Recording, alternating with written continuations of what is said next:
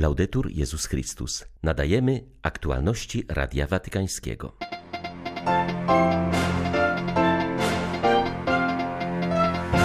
Rozeznanie synodalne, którego głównym bohaterem jest Duch Święty, powinno odbywać się podczas adoracji, powiedział papież do francuskich pielgrzymów.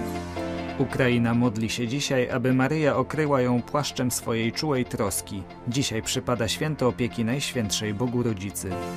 Miliony Brazylijczyków pielgrzymują w październiku do swoich narodowych sanktuariów maryjnych. 14 października witają Państwa ksiądz Tomasz Matyka i ksiądz Krzysztof Ołdakowski. Zapraszamy na serwis informacyjny.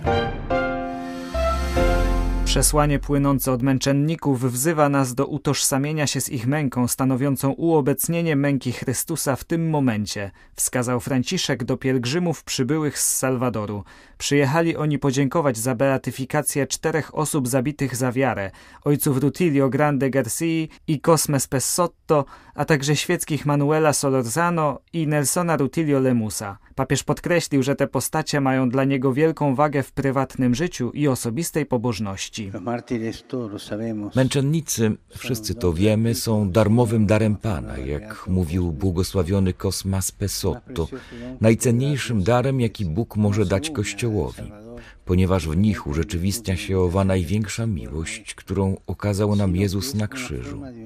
Ich krew nie łączy się z krwią Zbawiciela zwyczajnie na mocy naśladowania mistrza przez ucznia, ale chodzi tutaj o rodzaj mistycznej komunii, dostrzeganej przez ojców wizji kropli krwi spływających po ciele Jezusa w Getsemani. Owe krople niczym rubiny ozdabiające utkaną w całości tunikę Jezusa stanowią cenne klejnoty, za które które po pierwsze dziękujemy Bogu. On właśnie powołał męczenników do tej walki, dał im siłę do osiągnięcia zwycięstwa oraz On ich nam teraz ukazuje dla naszego zbudowania oraz jako drogę, którą mamy kroczyć. Ponieważ problemy się nie kończą, bój o sprawiedliwość i o miłość ludów trwa. A żeby walczyć, nie wystarczą słowa doktryny. Choć są one konieczne, to nie wystarczą. Wystarczą świadectwa i to musimy naśladować. Dlatego mówię, że oni stanowią dar dla naszego zbudowania. Nieogarniony dar, tak dla Kościoła pielgrzymującego w Salwadorze, jak i dla Kościoła powszechnego. A znaczenie tego daru pozostaje na zawsze w tajemnicy Boga. Synodalne rozeznawanie powinno się dokonywać przede wszystkim na adoracji. My tymczasem często zaniedbujemy modlitwę, mówił papież, przyjmując w Watykanie przedstawicieli duszpasterstwa francuskich katolików za granicą. Przedstawiciele katolickich wspólnot francuskojęzycznych w świecie spotkali się w Rzymie na tzw. Tak dniach duszpasterskich. Są one poświęcone procesowi synodalnemu. Dlatego również papież podjął refleksję na temat synodalności. Jako wzór przywołał sceny z dziejów apostolskich, której uczniowie po wniebowstąpieniu Chrystusa zgromadzili się wspólnie na modlitwę w wieczerniku. Synod jest drogą rozeznawania duchowego, kościelnego, które dokonuje się przede wszystkim na adoracji, na modlitwie, w kontakcie ze Słowem Bożym, a nie na podstawie naszej woli, naszych pomysłów czy planów. Synodalność wymaga słuchania. Musimy popracować nad słuchaniem w Kościele. To w ten sposób Bóg wskazuje nam drogę, wyciągając nas z naszych nawyków i wzywając, jak Abrahama, do wejścia na nową drogę. Musimy wysłuchać Boga, który do nas mówi, a nie tylko słuchać Go w roztargnieniu. Żywe bowiem jest Słowo Boże, skuteczne i ostrzejsze niż wszelki miecz obosieczny. To właśnie słuchanie tego słowa otwiera nas na rozeznawanie i oświeca nas. Jeśli ono nie jest sercem i podstawą synodalności, to grozi nam, że sprowadzimy ten czas łaski do kolejnego kościelnego posiedzenia, czy jakiegoś naukowego kolokwium albo czegoś w rodzaju parlamentu. A synod nie jest parlamentem. Niech to będzie jasne. On jest czymś innym. Dlaczego nie parlamentem? Bo najważniejszą osobą na synodzie jest Duch Święty. Franciszek przestrzega przed spłycaniem chrześcijańskiej wymowy świąt Bożego Narodzenia. Mówi o tym już teraz w połowie października, ponieważ przyjął w Watykanie młodych, którzy uczestniczą w konkursie na nowe utwory odwołujące się do tematyki tych właśnie świąt. Franciszek dał im za wzór kolendy napisane przez świętego Alfonsa Liguoriego. Są one proste, ale nie sentymentalne. Stąd ich piękno i wymowa nadal nas wzruszają i karmią wiarę ludu Bożego, mówił papież. Nie usiłujcie naśladować wielkich gwiazd show biznesu. Nie idźcie za modą i nie powielajcie wytartych dróg sukcesu. Nie powtarzajcie tych banałów słodkiego i fałszywego Bożego Narodzenia, które nie ma nic wspólnego z narodzinami Jezusa w Betlejem i jego znaczeniem dla współczesnej ludzkości. Nie bójcie się natomiast być sobą. Będą was krytykować, tak, ale bądźcie sobą, oryginalni i kreatywni. Miejcie własną osobowość w sztuce.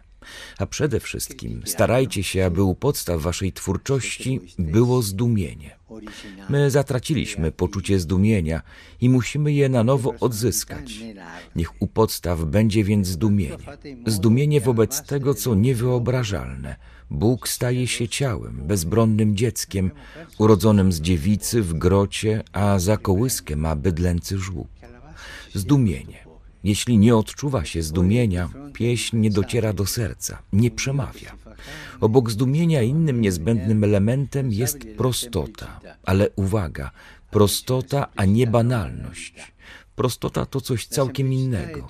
Żłóbek jest prosty, ale nie banalny. ma non è banale. Dzisiaj w Rzymie odbył się pogrzeb zmarłego w wieku 98 lat jezuity księdza Petera Gumpela, który pełnił innymi funkcję relatora w procesie beatyfikacyjnym Piusa XII.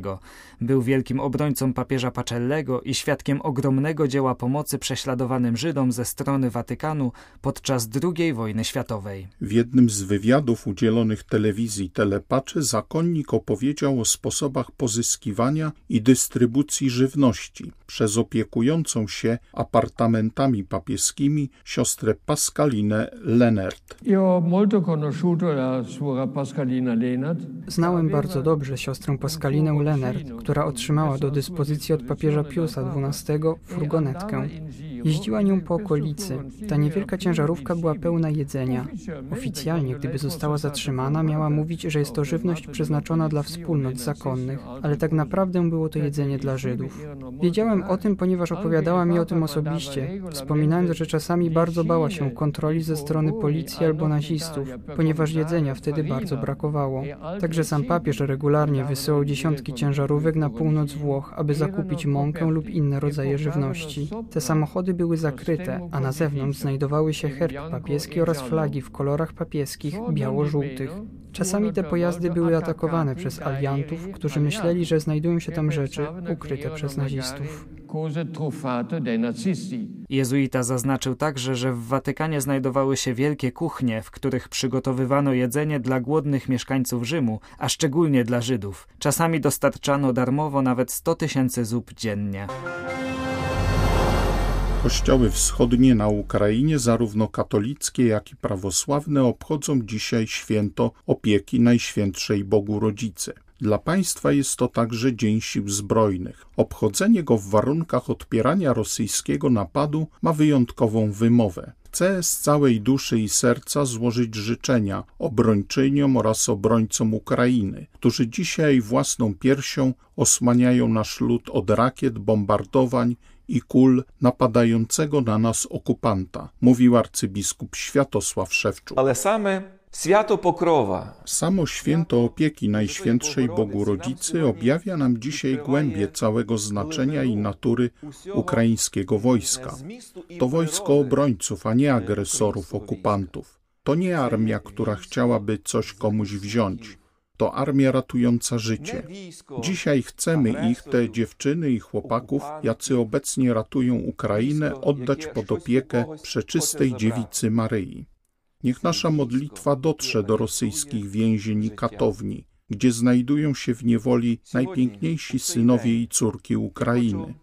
Niech ogrzeje na froncie w okopach nasze dziewczyny i chłopaków, którzy spoglądają dziś wrogowi w oczy i ochraniają swoją postawą oraz walką naszą ziemię.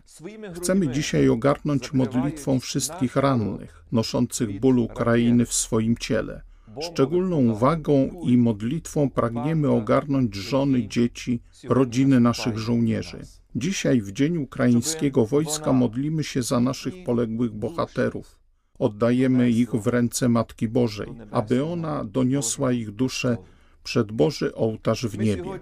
Prosimy dzisiaj, Matko Boża, rozciągnij swój welon nad Ukrainą, zakryj nasze miasta i wioski przed rosyjskimi rakietami i bombami від російських ракет і bomb. Biskup Jan Sobiło w rozmowie z Radiem Watykańskim zauważa, że rosyjski okupant dąży do zrównania z ziemią wielu miejscowości na wschodzie Ukrainy.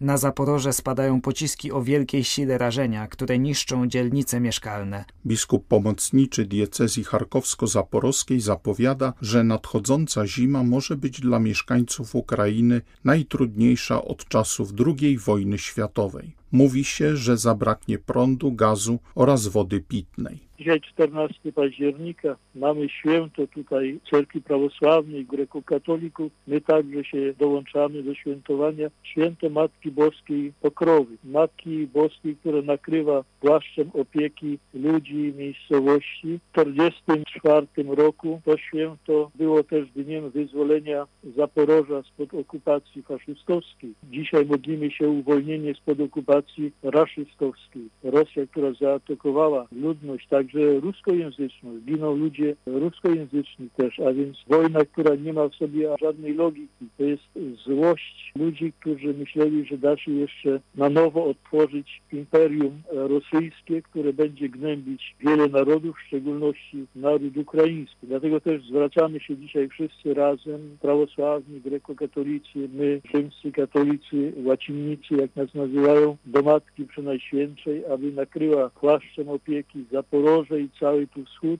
i wymodliła nam u Boga zwycięstwo, które będzie też tutaj triumfem jej niepokalanego serca.